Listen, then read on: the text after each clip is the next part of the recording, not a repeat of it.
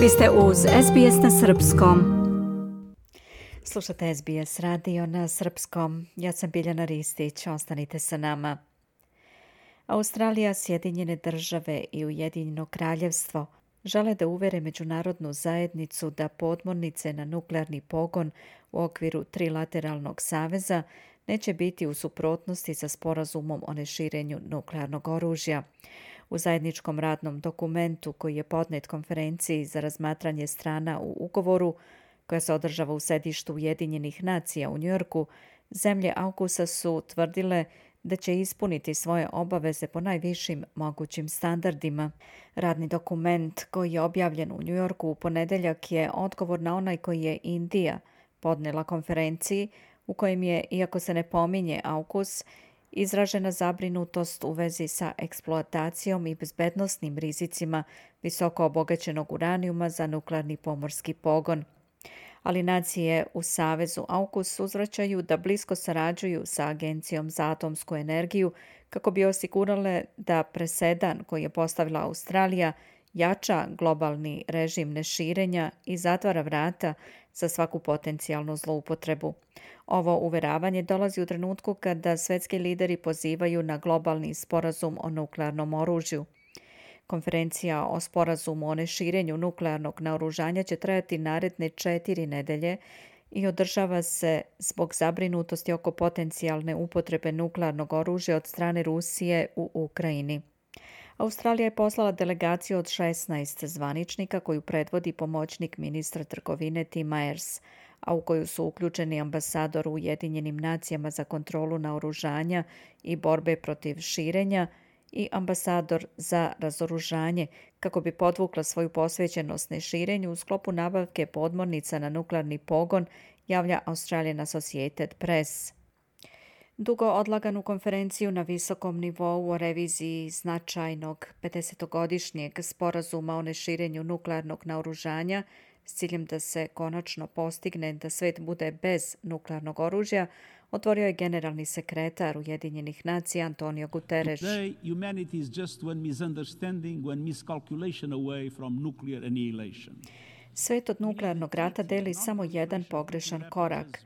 Zbog sve izraženijih globalnih tenzija, čovečanstvo od nuklearnog uništenja deli samo jedan nesporazum ili jedna pogrešna procena. Svet je do sada imao sreće sa izbjegavanjem nuklearne katastrofe, ali ona možda neće potrajati. Potrebno je obnoviti napore kako bi se uništilo postojeće nuklearno oružje.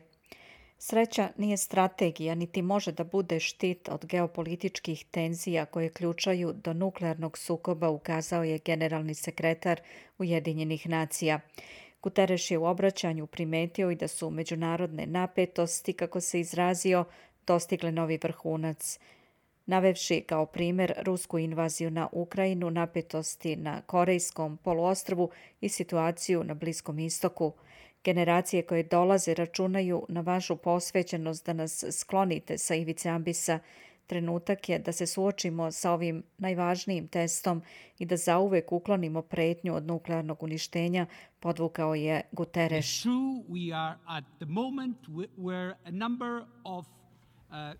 U ovom trenutku globalne neizveznosti, anksioznosti, straha i nevolje moramo se okupiti i ponovo posvetiti plemenitim principima sadržanim u sporazumu o nuklearnom neširenju, razoružavanju i promovisanju saradnje u mirnom korišćenju nuklearne energije. Ovo je bila poruka generalnog direktora Agencije za atomsku energiju Rafaela Marijana Grossija, na otvaranju konferencije koju je nazvao vitalnom za mir i za razvoj. Since March, Iran has been either unwilling or unable to accept a deal to achieve precisely that goal. Getting back to the JCPOA remains the best outcome for the United States, for Iran, Povratak nuklearnom sporazumu iz 2015. ostaje najbolji ishod za Sjedinjene države, Iran i svet, poručio je američki državni sekretar Anthony Blinken tokom diskusije u Ujedinjenim nacijama o neširenju nuklearnog naružanja. The DPRK continues to expand its unlawful nuclear program and continues its ongoing provocations against the region. As we gather today, Pyongyang is preparing to conduct its seventh nuclear test. Iran remains on a path Američki državni sekretar ponovio je upozorenje da se Severna Koreja priprema za sprovođenje sedme nuklearne probe. Blinken je međutim ukazao i da Iran nema volje ili sposobnosti da prihvati povratak nuklearnom sporazumu. Sjedinjene države su spremne da sarađuju sa svim nuklearnim silama, uključujući i Kinu, na smanjivanju rizika od nuklearnog naoružanja, poručuje američki državni sekretar u Njujorku. U nuklearnom ratu ne može biti pobednika i zato ga ne treba pokretati, poručio je ruski predsjednik Vladimir Putin u pismu učesnicima konferencije. Rusija se zalaže za jednaku i nedeljivu bezbednost za sve članove svetske zajednice, naveo je Putin u pismu, objavila je agencija Reuters. On je ukazao da Rusija dosledno ispunjava sve obaveze iz sporazuma o neširenju nuklearnog oružja, čiji je potpisnik i jedan od njegovih garanata. Naša obaveza iz bilateralnih sporazuma sa Sjedinjenim državama o smanjenju i ograničenju relevantnog naoružanja su također u potpunosti ispunjene, ukazao je Putin. Predsjednik Rusije je poručio da je ispunjavanje obaveza iz sporazuma o neširenju nuklearnog oružja u interesu kako nuklearnih, tako i ne nuklearnih država. Znatni izazovi bili su aktuelni oči velikog sastanka Ujedinjenih nacija o važnom sporazumu o neširenju nuklearnog oružja koji je prvobitno trebalo da se održi 2020. Konferencija odložena pandemijom koronavirusa počela je juče, u ponedeljak, pošto je ruska invazija u Ukrajini osnažila strahovanja od nuklearne konfrontacije i aktualizovala potrebu da se sporazum star pola veka ojača. Ovo je veoma težak trenutak, rekla je Beatrice Finn, izvršna direktorka međunarodne kampanje za ukidanje nuklearnog oružja, koja je dobila i Nobelovu nagradu za mir. Ruska invazija praćena zlokobnim referencama na njen nuklearni arsenal je tako značajna za sporazum i zaista će izvršiti veliki pritisak, rekla je ona. Ono kako vlade reaguju na situaciju oblikovaće buduću nuklearnu politiku, kaže Beatrice Finn.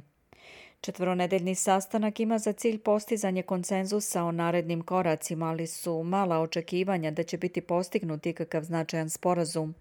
Na snazi od 1970. ugovor o neširenju oružja ima najšire poštovanje svih sporazuma o kontroli naoružavanja. Pridružila mu se 191 država.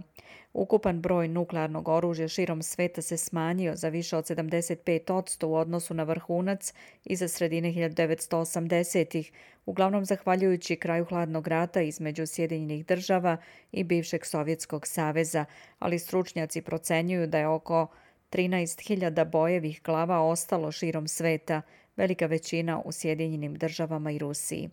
Sastanci za procenu kako sporazum funkcioniše trebalo bi da se održe svakih pet godina, ali je konferencija 2020. više puta odlagana zbog pandemije koronavirusa. Izazovi su umeđu vremenu samo rasli. Želite da čujete još priča poput ove? Slušajte nas na Apple Podcast, Google Podcast, Spotify ili odakle god slušate podcast.